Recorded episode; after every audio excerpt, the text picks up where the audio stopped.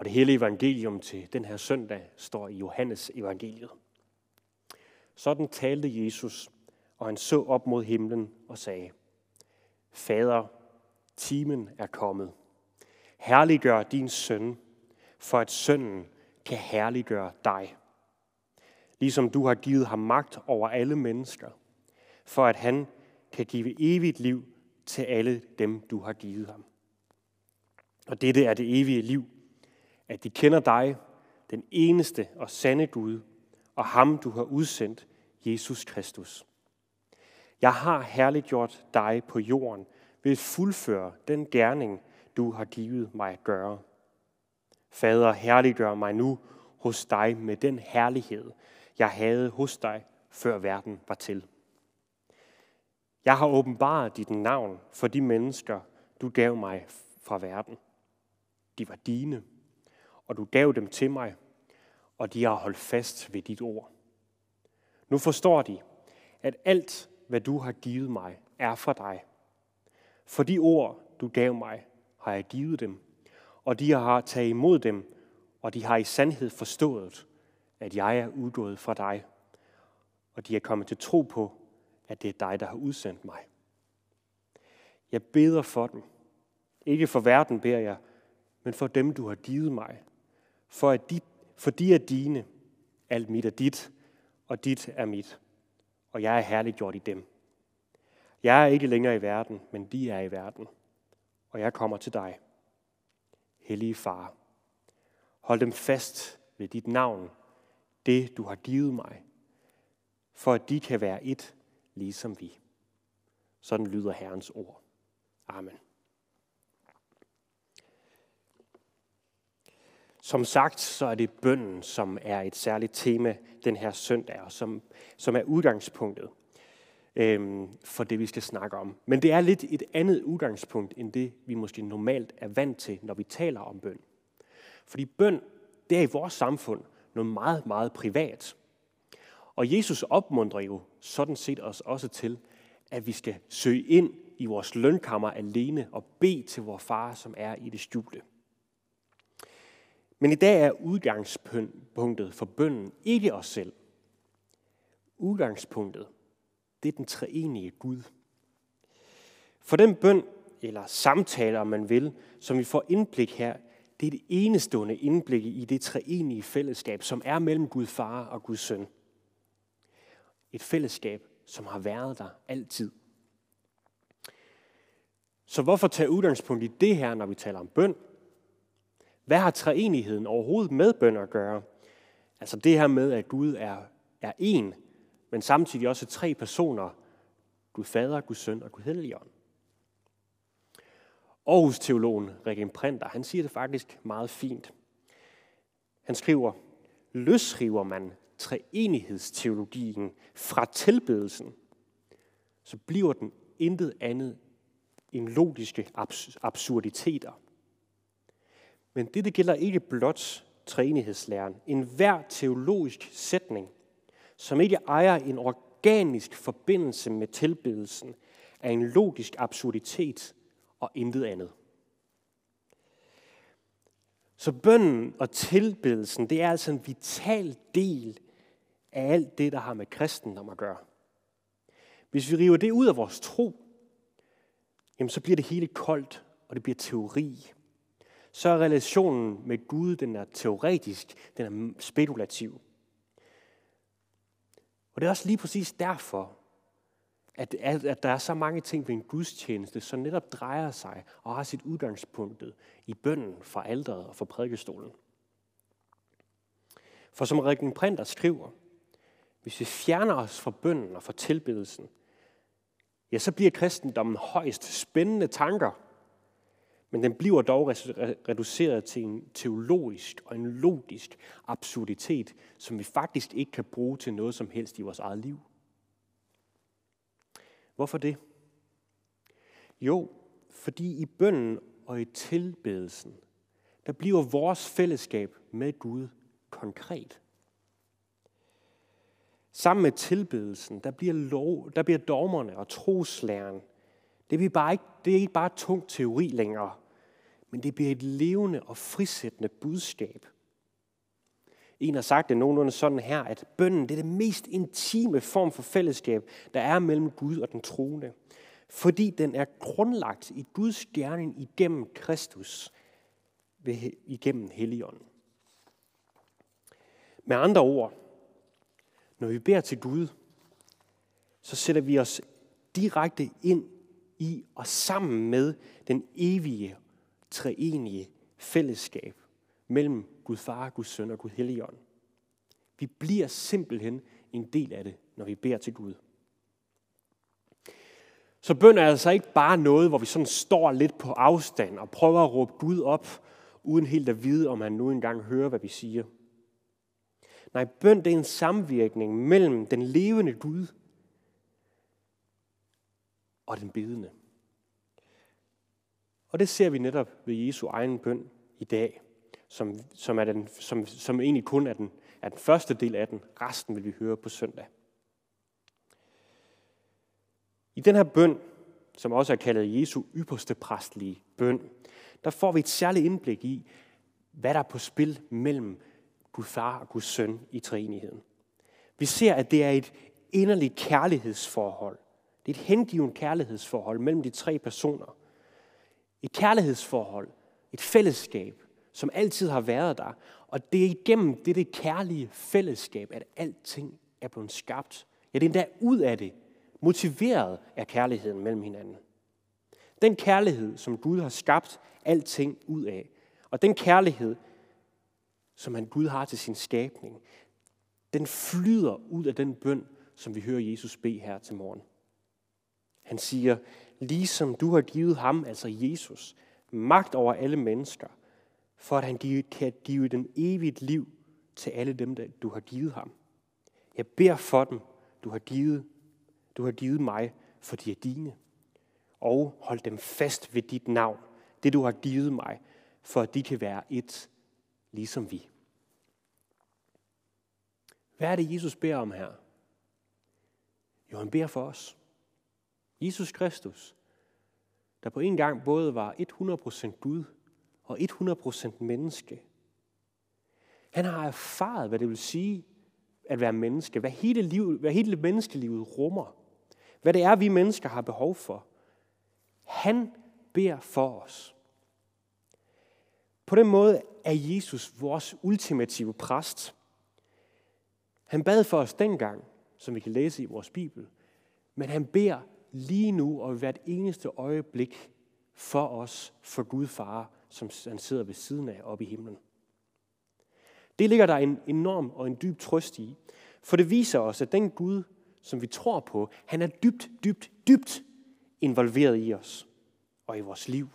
Hans kærlighed til os er så stor, at han på fuld tid bærer en vær frem for Gud.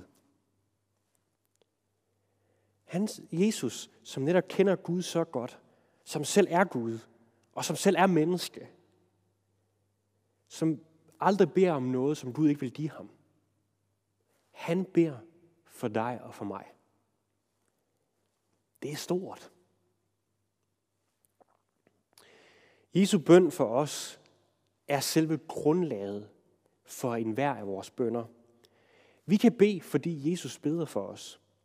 Og som der står i sted i Romerbrevet, at Helligånden går i forbøn for os med uusigelige sukke, når vi ikke selv ved, hvad vi skal bede om. Og det betyder altså, at du er aldrig alene i bønden.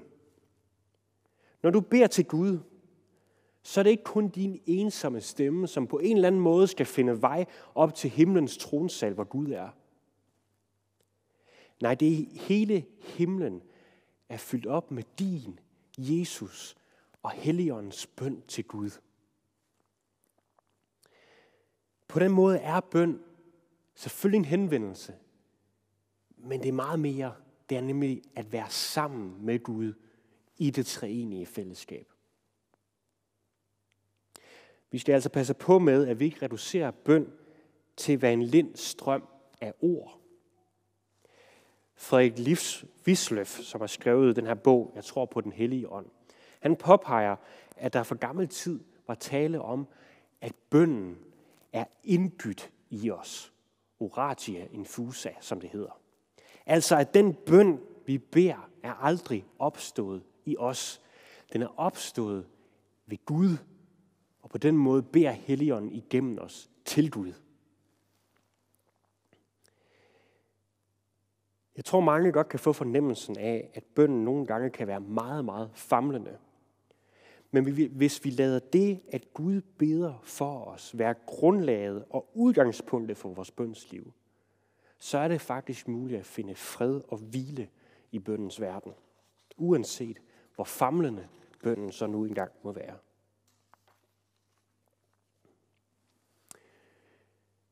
Jeg må indrømme, at sådan nogle ord som det her, de er fantastiske at sige. Men jeg kan, men jeg kan også nogle gange få myrekryb, når jeg selv hører nogen sige dem. For hvad betyder det for mig nu og her? For når, man, når jeg sidder alene, og verden den er ved at vælte sammen omkring mig, så er det nok det sidste, jeg mærker, det er, at Gud beder sammen med mig og for mig. Så er det jo snart fraværet af Gud, der fylder hele rummet. Og det er nok min mangelfulde bund, som aldrig lår længere til loftet. Ja, som jeg beder. Jeg tror selvfølgelig ikke, det er alle, der tænker, som jeg gør. Men når jeg læser i min Bibel, så møder jeg andre mennesker, som har haft det på samme måde som mig. Salmernes bog, Jesu egen bønnebog, den er fyldt op med frustrerende, bede, frustrerede, bedende mennesker, som ikke oplevede sig hørt af Gud. Hvad gjorde de for at takle det? Jo, de gjorde noget, som jeg tror, vi kan lære af. De henvendte sig nemlig til sig selv og forkyndte Guds ord til sig selv og til sin sjæl. De prædikede for sig selv og mindede dem selv om, at Gud elsker mig, at Gud er kærlighed. De mindede sig selv om den Messias, der vil komme, og vi kan minde os selv om Jesus, der hang på korset for min skyld. Mind sig selv om, at Gud og Helligånden og Jesus Kristus beder for mig i himlens tronsal. Prøv at høre, hvordan de formulerer det i salmernes bog. Salme 34. Min sjæl skal juble over Herren. Glæde sig over hans frelse. Hele min krop vil sige, Herre, hvem er som du? Du redder den hjælpeløse fra hans overmand, og den hjælpeløse og den fattige fra røveren. Salme 103. Min sjæl, pris Herren. Alt i mig skal prise hans hellige navn. Min sjæl, pris Herren. Glem ikke hans velgærninger. Salme 116. Fald til ro igen, min sjæl. For Herren har handlet vel imod dig. Og så til slut, salme 43, nej, undskyld, 42. Hvorfor er du fortvivlet, min sjæl? Hvorfor skælver du i mig? Vend på Gud, for, det, for jeg skal takke ham på ny, min frelser og min Gud. Når sjælen var ved at gå til hos de her mennesker, så mindede de sig selv om, og sin sjæl om, pris Gud, for han har gjort vel imod mig. Det kan godt være, at jeg ikke kan se det nu, men han er Gud, der elsker mig, som beder for mig og som bærer mig. Fortvivlelsen kan nemt komme til at kvæle os og vores tillid til, at Gud vil os det godt. Og her må vi holde fast ved det, vi ved. Vi må minde hinanden og os selv om, at vi ved, at Kristus beder for os. Og derfor kan vi bede. Vi ved, at Helligånden går i forbøn for os med uusigelige sukke. Også når jeg ikke kan andet end at være tavs. For selv om jeg ikke ved, hvad jeg skal bede om, ja, så er min bøn aldrig tom og aldrig virkningsløs, for den bliver fyldt op af Gud selv. Dette er det evige liv, siger Jesus, at de kender dig, den eneste og sande Gud, og ham, som du har udsendt, Jesus Kristus. Det sidste, jeg vil understrege her, er, at Gud har gjort sig kendt i Jesus. Det er det, der menes, når Jesus beder om, at han må blive herliggjort. Og det, der menes, det er et ord, som blev brugt om Guds, ja, hele hans majestæt, om hans ære og hans herlighed. I det gamle testamente kom det til udtryk igennem torden og ild og en dag et helt bjerg, der brød ud i lys lue. Men i det nye testamente, der ser vi hele Guds herlighed i, at hans søn hænger på et kors, og han opstår tre dage efter til liv og sejr. Der møder vi ham, som han er. Så hvilken Gud er det så? Hvad ser vi? Jo, det er en Gud, som først og fremmest vil lade sig kende igennem sin inderlige kærlighed til dig. Og det er en Gud, som vil lade invitationen til sit evige fællesskab være fortegnet på den måde, han møder dig på. For i bund og grund er det det, det er. Bønden, er, bønden og tilbedelsen, det er et fællesskab. Og det gør, at alt det her med Gud og med Helligånden og med Jesus, ja, alt det vi kirken forkynder at gøre, det er ikke bare tomme floskler, tomme handlinger, som ikke har nogen betydning, som i sidste ende bare er nogle logiske absurditeter. Nej, bønden, ja, det er mere end en envejskommunikation fra os til Gud. Bønden er Gud, der taler og beder igennem os til Gud. Helligånden og sønnen beder til vor far, som er i himlen. For os og igennem os. Ære være faderen, som har skabt os. Ære være sønnen, som har forløst os. Og ære, ære være helligånden, som har helliget os.